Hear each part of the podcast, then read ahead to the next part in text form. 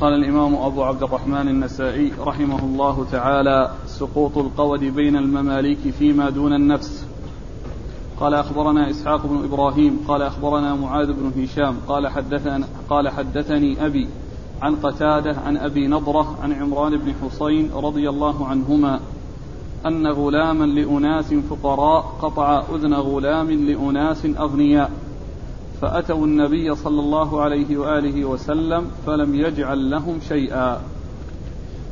بسم الله الرحمن الرحيم. الحمد لله رب العالمين وصلى الله وسلم وبارك على عبده ورسوله نبينا محمد وعلى آله وأصحابه أجمعين. أما بعد يقول النسائي رحمه الله سقوط القود بين المماليك فيما دون النفس. آه، مراد النسائي كما هو واضح أن القود بين المماليك إذا كان إذا كانت الجناية فيما دون النفس فإنه يسقط القود فيها وأما يعني في النفس فيكون القصاص لأنه قد جاء القرآن والحر بالحر والحر والعبد بالعبد والأنثى بالأنثى.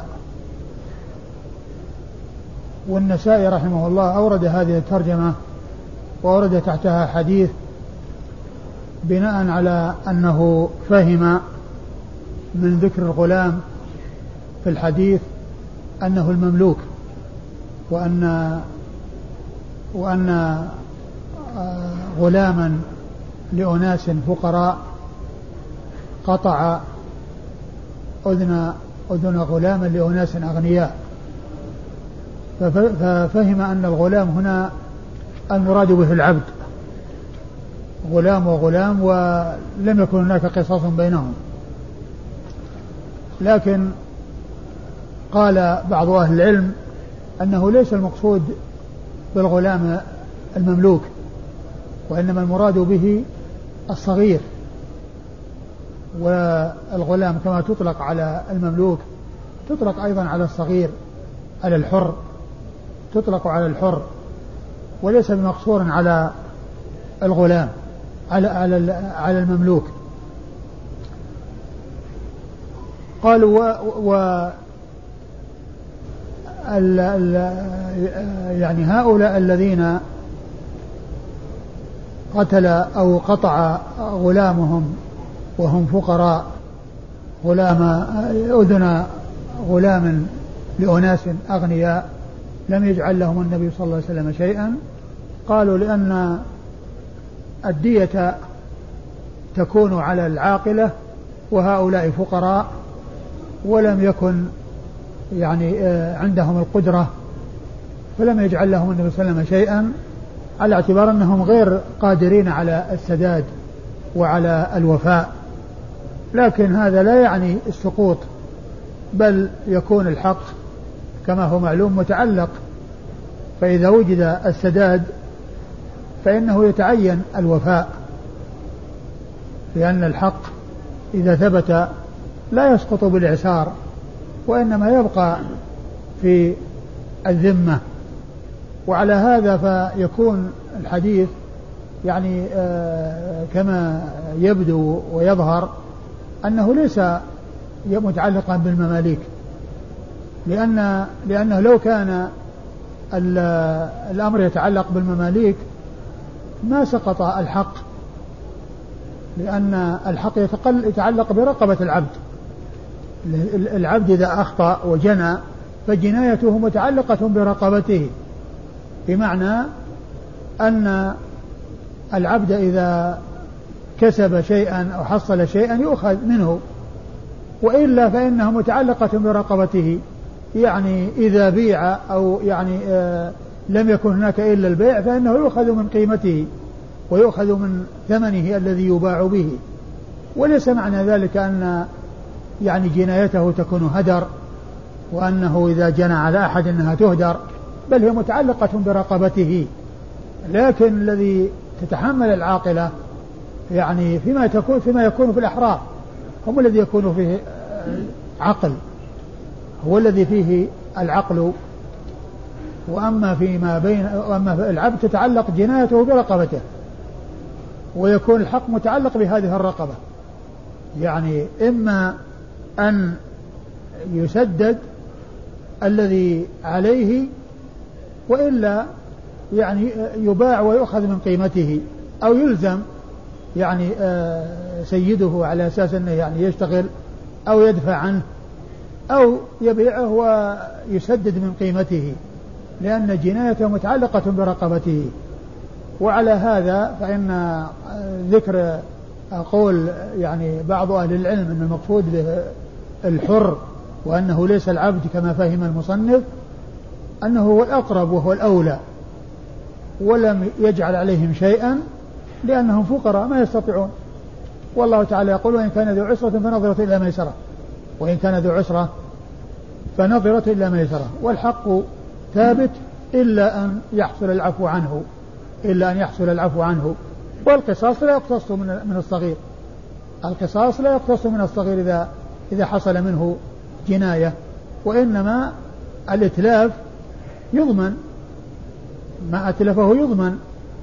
ويعني يكون فيه الدية لكن القصاص لا يقتص من الصغير إذا حصل منه آه، جناية. نعم. قال أخبرنا إسحاق بن إبراهيم. أخبرنا إسحاق بن إبراهيم ابن مخلد ابن راهوية الحنظلي المروزي ثقة وصف بأنه أمير المؤمنين في الحديث وهو محدث فقيه أخرج حديث أصحاب الكتب الستة إلا ابن ماجه. معاذ بن هشام. عن معاذ بن هشام آه ابن أبي عبد الله الدستوائي وهو صدوق ربما وهم. نعم. أخرج حديث أصحاب الكتب الستة. عن أبيه. عن أبيه هشام بن أبي عبد الله الدستوائي وهو ثقة أخرج له أصحاب الكتب الستة. عن قتادة. عن قتادة بن دعامة السدوسي البصري وهو ثقة أخرج له أصحاب الكتب الستة.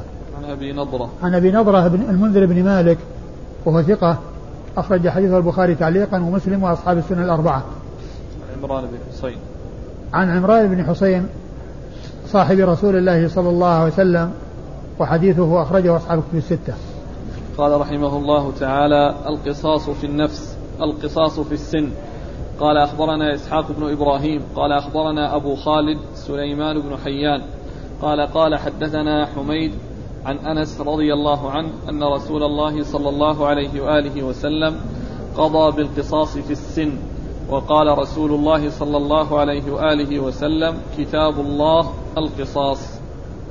ثم ورد النسائي هذه الترجمة وهي القصاص في السن يعني أن السن بالسن كما جاء في القرآن. و أورد النسائي حديث أنس بن مالك رضي الله عنه حديث أنس بن مالك رضي الله عنه أن النبي أن أن أن رسول الله صلى الله عليه وسلم قضى بالقصاص في السن. أن النبي صلى الله عليه وسلم قضى بالقصاص في السن. يعني آه، آه، السن بالسن. يعني آه، يعني إذا خلع سنا يعني متعمدا فإنه يجازى بأن تخلع سنه المماثلة لتلك السن التي خلعها. والقصاص يكون في ذلك. وقد جاء في القرآن والسنة. عن رسول الله صلى الله عليه وسلم.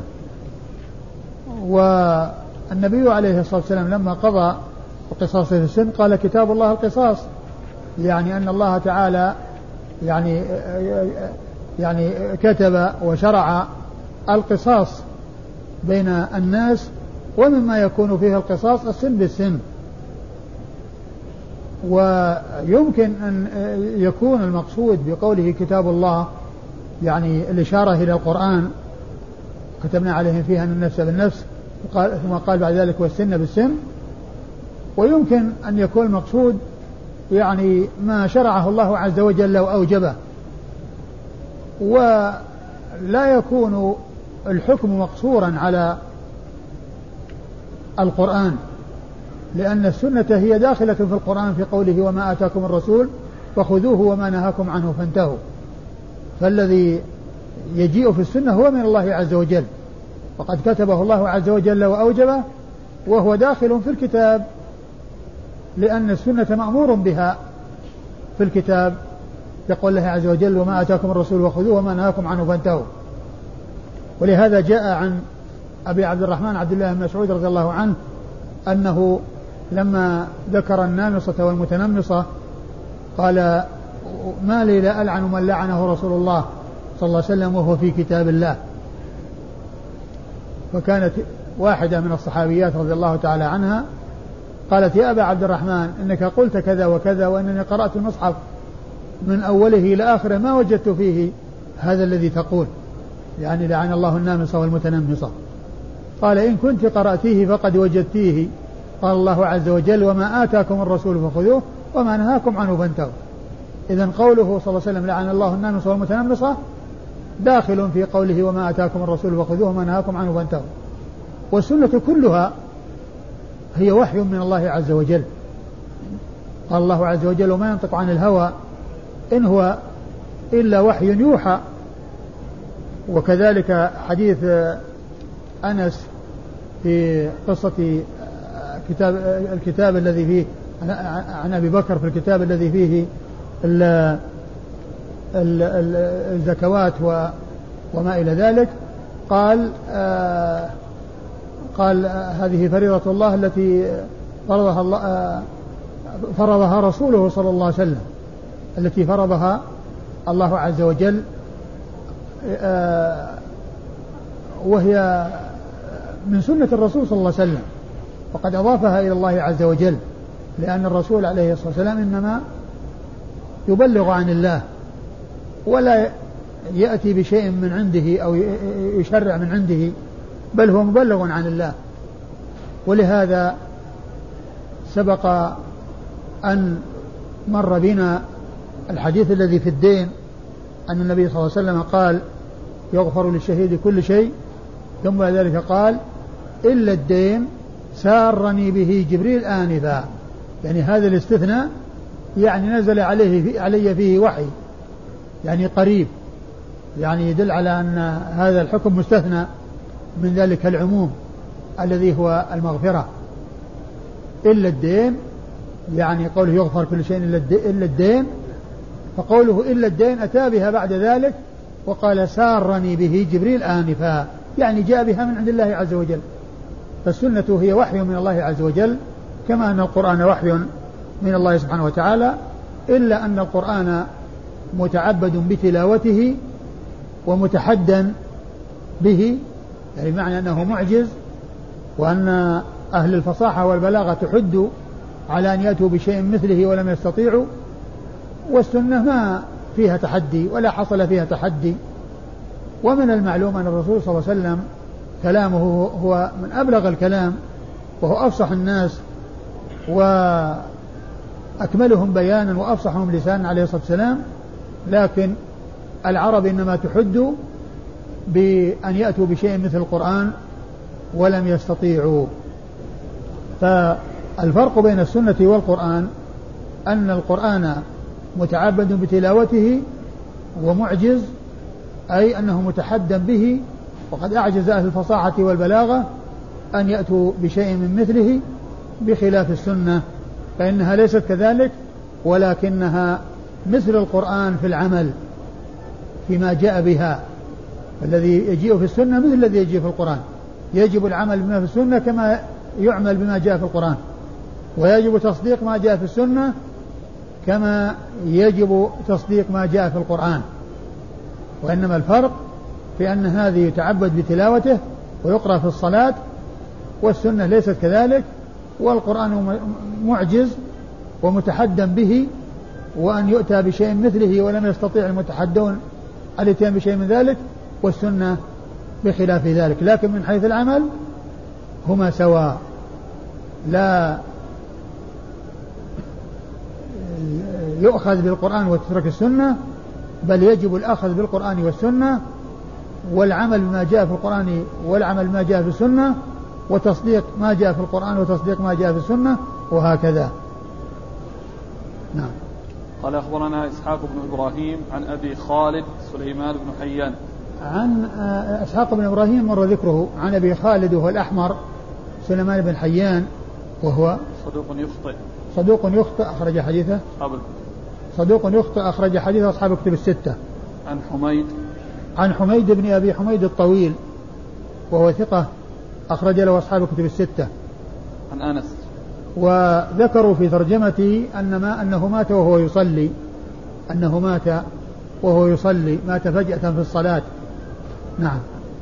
عن أنس. عن أنس بن مالك رضي الله عنه صاحب رسول الله صلى الله عليه وسلم وأحد وخادمه وأحد السبعة المعروفين بكثرة الحديث عن النبي صلى الله عليه وسلم وهم أبو هريرة وابن عمر وابن عباس وأبو سعيد الخدري وجابر بن عبد الله الأنصاري وأنس بن مالك وأم المؤمنين عائشة رضي الله تعالى عنهم وعن الصحابة أجمعين ستة رجال وامرأة واحدة هؤلاء هم المعروفون بكثرة الحديث عن النبي صلى الله عليه وسلم وفيهم يقول السيوطي والمكثرون في رواية الأثر أبو هريرة يليه بن عمر وأنس والبحر المقصود به ابن عباس كالخدري وجابر وزوجة النبي. ها؟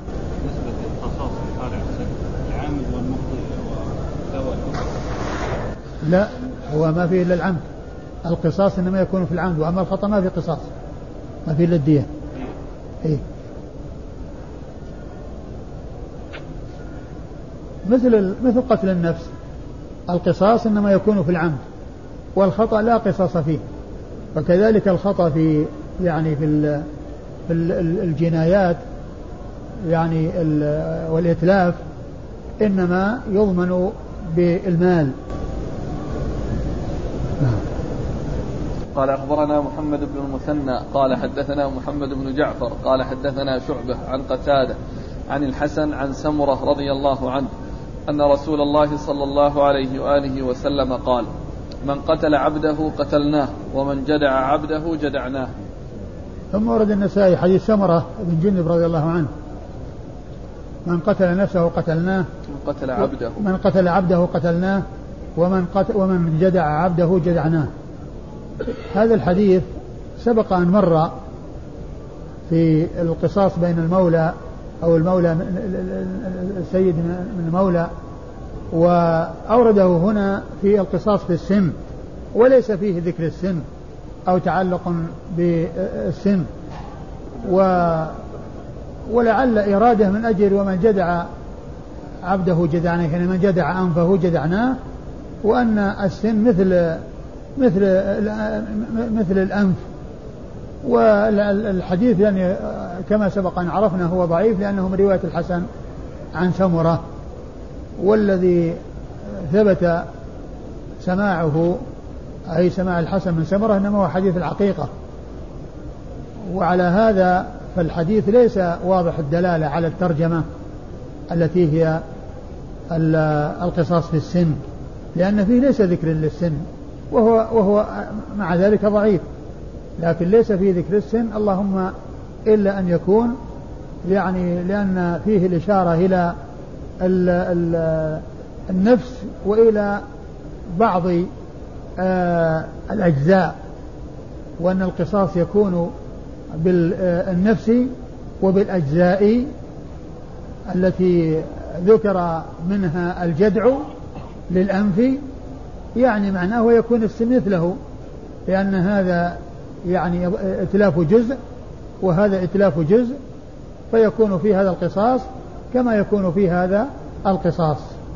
والحديث يعني كما سبق أن عرفنا غير ثابت لأنه من رواية الحسن عن سمرة وهو مدلس والذي قيل إنه سمع منه سمعه منه حديث العقيقة.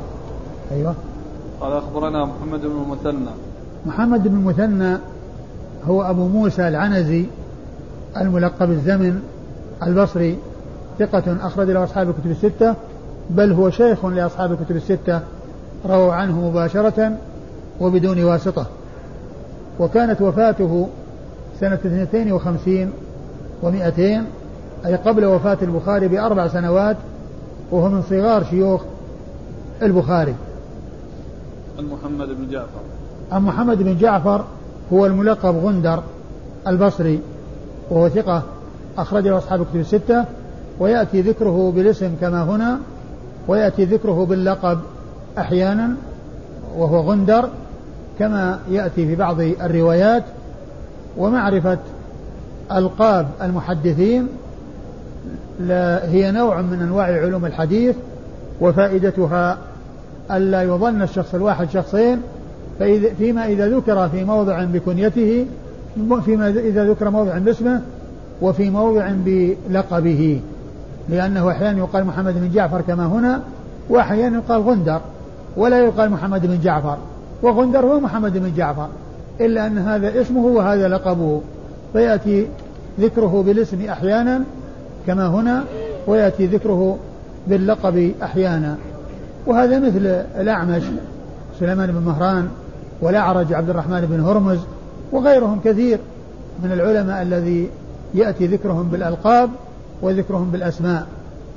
والمهم والفائدة من وراء معرفة من معرفة ذلك ألا يظن الشخص الواحد شخصين. نعم. عن شعبة. عن شعبة بالحجاج الواسطي ثم البصري وهو ثقة وصف بأنه أمير المؤمنين في الحديث وهي من أعلى صيغ التعديل وأرفعها وحديثه أخرجه أصحاب الكتب الستة. عن قتادة عن الحسن عن قتادة قد مر ذكره عن الحسن وهو ابن أبي الحسن البصري ثقة يرسل ويدلس وحديثه أخرجه أصحاب الكتب الستة. عن سمرة. عن سمرة بن جندب رضي الله عنه صاحب رسول الله صلى الله عليه وسلم وحديثه أخرجه أصحاب الكتب الستة. قال أخبرنا محمد بن مثنى ومحمد بن بشار قال حدثنا معاذ بن هشام قال حدثني أبي عن قتادة عن الحسن عن سمرة رضي الله عنه أن نبي الله صلى الله عليه وآله وسلم قال من خصى عبده خصيناه ومن جدع عبده جدعناه. واللفظ لابن بشار. ثم ورد النسائي حديث سمرة بن جندب من طريق أخرى وهو يتعلق بالقصاص في الأجزاء. لأنه قال من جدع عبده جدعناه ومن أخصاه خصيناه يعني أن هذا يتعلق بالأجزاء. وهذا هو الذي قلت أن أنه هو هو الذي لعله هو الذي أراده النسائي.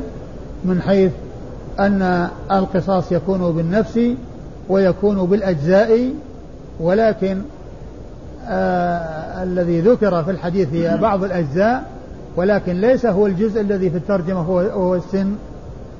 ولكن يعني إذا جاز القصاص في بعض الأجزاء فالأجزاء الأخرى مثلها. فإذا خصي يعني آه، جوزي بالخصى بالخصي أو جوزي بالجدع معناه أنه يجاز ب يعني آه، السن. يعني إذا جنى عليها فإنه يعامل بنفس الشيء الذي آه، فعله. نعم. قال أخبرنا محمد بن المثنى ومحمد بن بشار. محمد بن المثنى محمد المثنى مر ذكره ومحمد بن بشار هو الملقب بن دار البصري. وهو ثقة أخرجه أصحاب الكتب الستة بل هو شيخ لأصحاب الكتب الستة. وهو محمد وهو محمد وهو محمد مثنى من صغار شيوخ البخاري. وهم وهما معا من شيوخ أصحاب الكتب الستة. وكان متماثلين في كثير من الأمور قيل إنهما متماثلان في سنة الولادة وسنة الوفاة وفي كونهما بصريين وفي كونهما يعني متماثلين في الشيوخ. وفي التلاميذ. ولهذا قال الحافظ بن حجر في ترجمة محمد بن بشار وكان هو محمد مثنى كفرسي رهان وكان هو هو محمد بن مثنى كفرسي رهان يعني آه أنهما متساويان لأن الفرس الأوراس المتسابقة يعني غالبا تكون يعني متماثلة إلا أنه يسبق بعضها بعضا لكن يعني إذا كانت كلها جيدة وكلها كذا يعني تصير تصير متماثلة. ولهذا قال وكان كفر رهان ومات في سنة واحدة. وكانت وفاة محمد المثنى ومحمد بشار قبل وفاة البخاري بأربع سنوات. ومثلهم شيخ ثالث للبخاري أو لأصحاب الكتب الستة أيضا وهو يعقوب بن إبراهيم الدورقي. أيضا مات سنة 52 آه وهو أيضا شيخ لأصحاب الكتب الستة. فإذا محمد بن مثنى ومحمد بن بشار ويعقوب بن إبراهيم الدورقي ثلاثة من شيوخ أصحاب الكتب الستة وكلهم ماتوا في سنة واحدة وهي سنة 52 و200 أي قبل وفاة البخاري بأربع سنوات لأن البخاري توفي سنة 56 ومئتين نعم. عن معاذ بن هشام عن أبيه عن قتادة عن الحسن عن سمرة. وقد مر ذكر هؤلاء جميعا. قال أخبرنا أحمد بن سليمان قال حدثنا عفان قال حدثنا حماد بن سلمة قال قال حدثنا ثابت عن أنس رضي الله عنه أن أخت الربيع أم, أم حارثة جرحت إنسانا فاختصموا إلى النبي صلى الله عليه وآله وسلم فقال رسول الله صلى الله عليه وآله وسلم القصاص القصاص. فقالت أم الربيع أم الربيع يا رسول الله أيقتص من فلانة؟ لا والله لا يقتص منها أبدا. فقال رسول الله صلى الله عليه وآله وسلم سبحان الله يا أم الربيع القصاص كتاب الله. قالت لا والله لا يقتص منها أبدا فما زالت حتى قبلوا الدية. قال إن من عباد الله من لو أقسم على الله لأبره. ثم ورد النسائي حديث أنس بن مالك رضي الله عنه أن أخت الربيع جرحت إنسانا فرفع ذلك رسول إلى رسول الله صلى الله عليه وسلم فقال القصاص القصاص. فقالت أم الربيع والله لا يقتص من فلانة. فقال عليه الصلاة والسلام سبحان الله يا أم الربيع كتاب الله القصاص. فقالت والله لا يقتص من فلانة. وكانوا طلبوا من آه، آه، أولياء المجني عليها العفو وقبول الدية وترك المطالبة بالقصاص فأبوا وأرادوا القصاص والرسول صلى الله عليه وسلم حكم بالقصاص. لكن هذه المرأة أقسمت وحلفت أن لا يقتص منها والرسول صلى الله عليه وسلم أخبر بأنه لا بد من هذا. فكان من شأن هؤلاء الذين هم أصحاب الحق أن قذف الله في قلوبهم أن يرضوا وأن يوافقوا على العفو. فتحقق ما أقسمت عليه آه، أم الربيع من أنها لا لا يقتص منها وتحق وقال عند ذلك وقال عند ذلك رسول الله صلى الله عليه وسلم إن من عباد الله من لو أقسم على الله لأبره.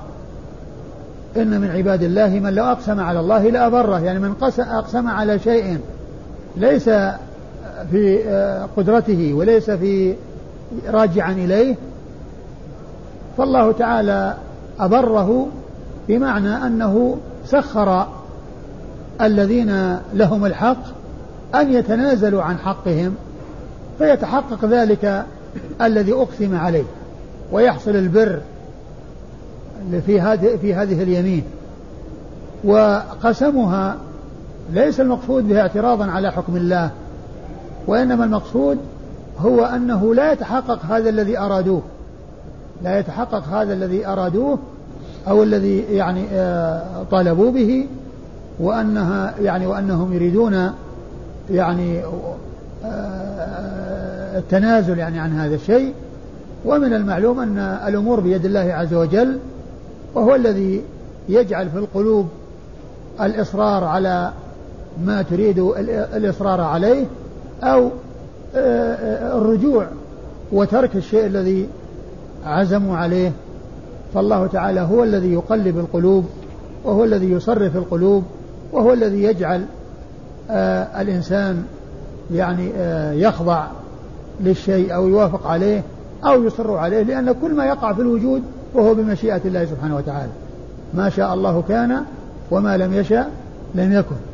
وإذا فقول هذه المرأة والله لا يقتص من فلانة ليس هذا اعتراضا على حكم الله وامتناعا من تطبيق حكم الله وإنما هو إقسام على آه أن آه هذا الذي يريدونه أنه لا يتحقق وسبيل ذلك أن الله تعالى يهيئ ويقذف في قلب من صاحب الحق أن يتنازل عن حقه وهذا هو الذي حصل وهذا هو الذي تم وعند ذلك قال رسول الله صلى الله عليه وسلم إن من عباد الله من لو أقسم على الله لا بره يعني آه، أقسم على شيء لا يحصل وهو ليس في قدرته ومشيئته وإرادته وإنما هو عند غيره. والله تعالى هو الذي بيده القلوب جميعا فجعل في قلوب أولئك الذين هم أصحاب الحق أن يتنازلوا وعند ذلك برت القسم وأبر الله قسمها ولم يحصل آه، الحنث فيه. قال أخبرنا أحمد بن سليمان. أحمد بن سليمان الرهاوي ثقة أخرج حديثه النسائي وحده. عن عفان. عن عفان بن مسلم الصفار وهو ثقة أخرجه أصحاب كتب الستة. عن حماد بن سلمة. عن حماد بن سلمة ابن دينار وهو ثقة أخرجه البخاري تعليقا ومسلم وأصحاب السنن الأربعة. عن ثابت. عن ثابت عن ثابت بن أسلم البناني وهو ثقة أخرج له أصحاب الكتب الستة. عن أنس. عن أنس بن مالك رضي الله عنه وقد مر ذكره. قال رحمه الله تعالى القصاص من الثنية. قال أخبرنا حميد بن مسعدة وإسماعيل بن مسعود قال حدثنا بشر عن حميد قال ذكر أنس رضي الله عنه أن عمته كسرت ثنية جارية فقضى نبي فقضى نبي الله صلى الله عليه وآله وسلم بالقصاص فقال أخوها أنس بن النضر رضي الله عنه أتكسر ثنية فلانة؟ لا. والذي بعثك بالحق لا تكسر ثنية فلانة. قال وكانوا قبل ذلك سألوا أهلها العفو والأرش. فلما حلف أخوها وهو عم أنس وهو الشهيد يوم أحد رضي القوم بالعفو. فقال النبي صلى الله عليه وآله وسلم إن من عباد الله من لو أقسم على الله لأبره. ثم أورد النسائي آه، حديث أنس بن مالك رضي الله عنه. ثم أورد النسائي هذه الترجمة وهي القصاص في الثنية. والثنية هي من جملة الأسنان لأن الترجمة السابقة عامة القصاص في السن وهنا القصاص في الثنية والثنية هي من جملة الأسنان وهي في مقدمة الأسنان, الأسنان ثنيتان من فوق ومن تحت. فهذه الثنايا هي التي آه، المقابلة من فم الإنسان والفرق بين الترجمة هذه الترجمة الأولى وهذه الترجمة أن هذه خاصة وتلك عامة. هذه خاصة وتلك عامة. وهو قد جاء ذكر السن يعني آه، فيما مضى فأورد الترجمة بالسن. وجاء ذكر الثنية فيما يأتي فأورد الترجمة بالثنية والنتيجة واحدة كلها تتعلق بالأسنان. والذي مر يعني في الحديث الأخير أن آه، أخت الربيع آه، جرحت إنسانا. يعني ما في ذكر آه، ذكر سن فقيل وصنيع النسائي يعني حيث أوردها في السن يمكن أن يكون المقصود أن هذه القصة واحدة وأن أن هذا يتعلق بالسن ويمكن أن يكون أن أنه لا يتعلق بالسن ولكن القص الموضوع واحد من جهة أن كل واحد حلف على أن ما يحصل فيه قصاص وكل واحد حصل فيه أن أن العفو وأن وقول الرسول صلى الله عليه وسلم إن من عباد الله من لو أقسم على الله لا بره ولهذا قال بعض أهل العلم أنهما قصة واحدة وبعضهم قال أنهما قصتان. لأن هذه تتع... الموضوع هذا ذكر فيه جرح وهذا ذكر فيه سن وهذا ذكر الذي أقسمت امرأة وهذا الذي أقسم رجل. فإذا يعني تكون القضية قصة قصتين. يعني هذه قضية وهذه قضية. هذه تتعلق بجرح وهذه تتعلق بثنية وسن. أه حديث أنس؟ نعم. أورد النسائي حديث أنس بن مالك إيش قال؟ أن عمته كسرت ثنية جارية أي نعم. فقضى النبي صلى الله عليه وسلم بالقصاص. أن عمته كسرت ثنية جارية فقضى الرسول صلى الله عليه وسلم بالقصاص يعني أن تكسر سن عمته. سن عمته. فقال آه من هو؟ أخوها أنس بن النضر. أخوها أنس بن النضر. آه أتكسر ثنية فلانة؟ أتكسر ثنية فلانة؟ يعني يعني والله لا تكسر ثنية فلانة. والذي بعثك بالحق لا تكسر ثنية فلانة. أقسم على أنها لا تكسر.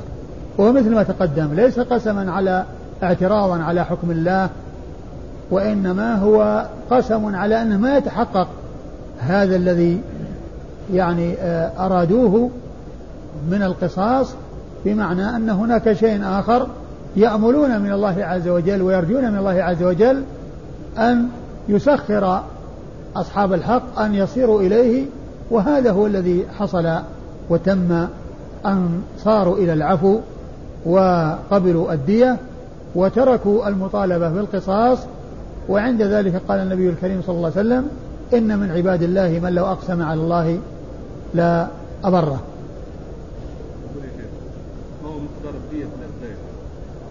إيش؟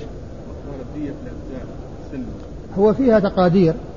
أقول فيها تقادير يعني آه الأصابع يعني لها دية والأسنان لها دية ويعني كل يعني شيء يتفاوت. ما هو على على على, على شيء واحد. والشيء اللي يتكون من اثنين يعني له دية كالأذنين وكالعينين. والشيء الذي يتكرر مثل الأسنان يعني آه والأصابع وهكذا. يعني كل شيء له دية. نعم. والمقدار يا شيخ. ويش؟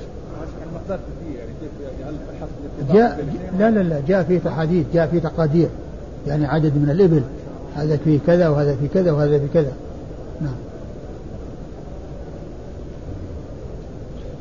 قال أخبرنا حميد بن مسعدة.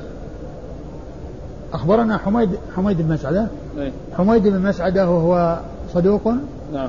أخرج حديثه مسلم مسلم وأصحاب السنة الأربعة. عن وإسماعيل بن مسعود و... عن بشر. وإسماعيل بن مسعود مر ذكره. إسماعيل بن مسعود لا ما مر ما إسماعيل بن مسعود أبو مسعود البصري ثقة أخرج له النسائي وحده. عن بشر وهو ابن المفضل وهو ثقة أخرج له أصحاب كتب الستة. عن حميد عن أنس. عن حميد عن أنس وقد مر ذكرهما. يقول وكانوا قبل ذلك سألوا أهلها العفو والأرش يعني العفو يعني عن القصاص ويأخذ شو اسمه الأرش الذي هو الدية. يعني الأرش والدية بمعنى واحد. لا هي أحيانا أحيانا يراد بالأرش الفرق بين يعني آه، في الشيء الذي ما فيه دية ولكن فيه حكومة.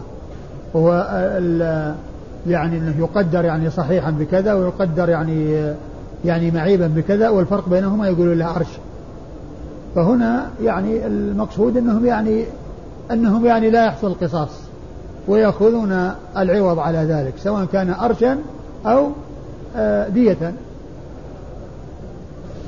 قال أخبرنا محمد بن المثنى قال حدثنا خالد قال حدثنا حميد عن أنس رضي الله عنه أنه قال كسرت الربيع ثنية جارية فطلبوا إليهم العفو فأبوا فعرض عليهم الأرش فأبوا فأتوا النبي صلى الله عليه وآله وسلم فأمر بالقصاص. قال أنس بن النضر يا رسول الله تكسر ثنية الربيع؟ لا والذي بعثك بالحق لا تكسر. قال يا أنس كتاب الله القصاص. فرضي القوم وعفوا. فقال إن من عباد الله من لو أقسم على الله لأبره. ثم ورد النسائي حديث أنس بن مالك من طريق أخرى ومثل مثل الذي قبله. وفيه بيان آه، أن إطلاق الأرش على الدية. لأنه لأنهم لأنه إما قصاص وإما دية. والشيء الذي فيه تقدير المشهور عند العلماء قال له دية. والشيء الذي آه، عند الفقهاء وعند الفقهاء أن الشيء الذي ليس فيه تقدير يعني يقال له عرش. وأيضا يقال له دية. لأن الأرش يطلق على الدية كما هنا ويطلق على الشيء الذي ما فيه تحديد. الذي ما فيه تحديد يعني آه، من, من الشرع. يعني وإنما يقول فيه حكومة وهي أن يقد أن يقوم على اعتبار أنه عبد. لو كان عبدا يعني يصير قيمة كذا وهو سليم وقيمته كذا وهو معيب. والفرق بينهما يقال له أرش. والفرق بينهما يقول له أرش ويقولون ويطلقون على ذلك حكومة. يعني معناه أنه يعني فيه تقدير وليس فيه تحديد وتنصيص على أن فيه دية. أوله يقول كسرت الربيع ثنية جارية. نعم. فطلبوا إليهم العفو فأبوا. وعرض عليهم الأرش فأبوا. فأتوا النبي صلى الله عليه وآله وسلم فأمر بالقصاص. قال أنس بن النضر يا رسول الله تكسر ثنية الربيع؟ لا. والذي بعثك بالحق لا تكسر. قال يا أنس كتاب الله القصاص. فرضي القوم وعفوا. فقال إن من عباد الله من لو أقسم على الله لأبره. أي نعم بعض الإخوة يقول لو أعدتم شرح إن من عباد الله من لو أقسم على الله لأبره. إن من عباد الله من لو أقسم على الله لأبره. يعني كما هو واضح من من القصة أقسم على شيء لا يملكه. ولا وإنما هو شيء تحت تصرف غيره وبيد غيره. فهذا القسم لا يكون بره إلا إذا تنازل أصحاب الحق. ومن المعلوم أن تنازل أصحاب الحق بيد الله عز وجل. هو الذي إذا شاء أن يلين القلوب لانت وإذا شاء أن, يق... أن تكون قاسية قست فقبل يعني ذلك كانوا مصرين على أن ما فيه إلا القصاص. ولما أقسم يعني هذا الصحابي الجليل رضي الله عنه وأرضاه الله تعالى قذف في قلوب أصحاب الحق التنازل والسماح عن القصاص فحصل البر بهذه اليمين التي حلف بها ذلك الرجل وهو شيء لا يملكه ولا وليس تحت تصرفه. فأقسم على أنه ما يحصل شيء يعني معتمدا على الله ومتوكلا على الله وراجيا من الله أن الله يحقق ما أقسم عليه وحلف عليه فأبره الله عز وجل بأن قذف في قلوب أولياء آه، المجني عليها التنازل عن القصاص. وحصل البر فاليمين حصل برها وما حنثت. ها؟ هذا من هذا القبيل نعم. هو أنس بن النضر هو, هو واحد. هو الأول والثاني. مو بأنس بن مالك. نعم هي هي على اعتبار أنها قصتين على اعتبار أنها قصتين يعني ما فيه إشكال. هذه قصة وهذه قصة وكل واحدة حصل فيها ما حصل. وهذه فيها جرح وهذه فيها سن. وهذه المقسم آه، امرأة وهذا المقسم رجل. فإذا كانت قصتين ما فيها إشكال. لا ما يقول الشيء يكون فيكون لله عز وجل. على كل هؤلاء الضلال. يعني الإنسان ما هو يتصرف في الكون لكن يعني شيء بيد غيره ويملكه غيره من الناس فيحلف عليه ويقذف الله في قلب صاحب الحق إنه يعني يغير رأيه. ويتحقق المراد. وليس فيه آه، هذا الكلام الباطل الذي فيه مشاركة الله عز وجل. هذا ما فيه مشاركة هذا فيه اعتماد على الله عز وجل وتوكل على الله عز وجل وحلف أنه يعني ما يتم وفي مجال للترك وذلك بتنازل أصحاب الحق. والذي يملك القلوب ويتصرف في القلوب ويلين القلوب ويقسي القلوب هو الله عز وجل. إيش؟ ليس كل إن من عباد الله ليس كل عبد من عباد الله إذا أقسم يبر قسم. إيه يعني أقسم على غير التصرف أقسم على شيء آخر أن الله يفعل له كذا أو أن يفعل كذا يبر الله وجل قسم خاص لا لا مو خاص بالقصاص ابدا لأن هذا لأن الحديث يعني سبب القصاص لكن ما يقال إنه خاص بالقصاص ما يقال إنه خاص بالقصاص ابدا قال أخبرنا محمد بن المثنى عن خالد محمد بن المثنى مر ذكره خالد هو ابن الحارث البصري ابن الحارث البصري ثقة أخرجه أصحاب في الستة. عن حميد عن أنس. عن حميد عن أنس وقد مر ذكرهما. قال رحمه الله تعالى: القود من العضة وذكر اختلاف ألفاظ الناقلين لخبر عمران بن حصين في ذلك. هذا يعني يكون مع الباب الذي يليه لأنه كلها موضوع واحد. والله تعالى أعلم وصلى الله وسلم وبارك على عبده ورسوله نبينا محمد وعلى آله وأصحابه أجمعين.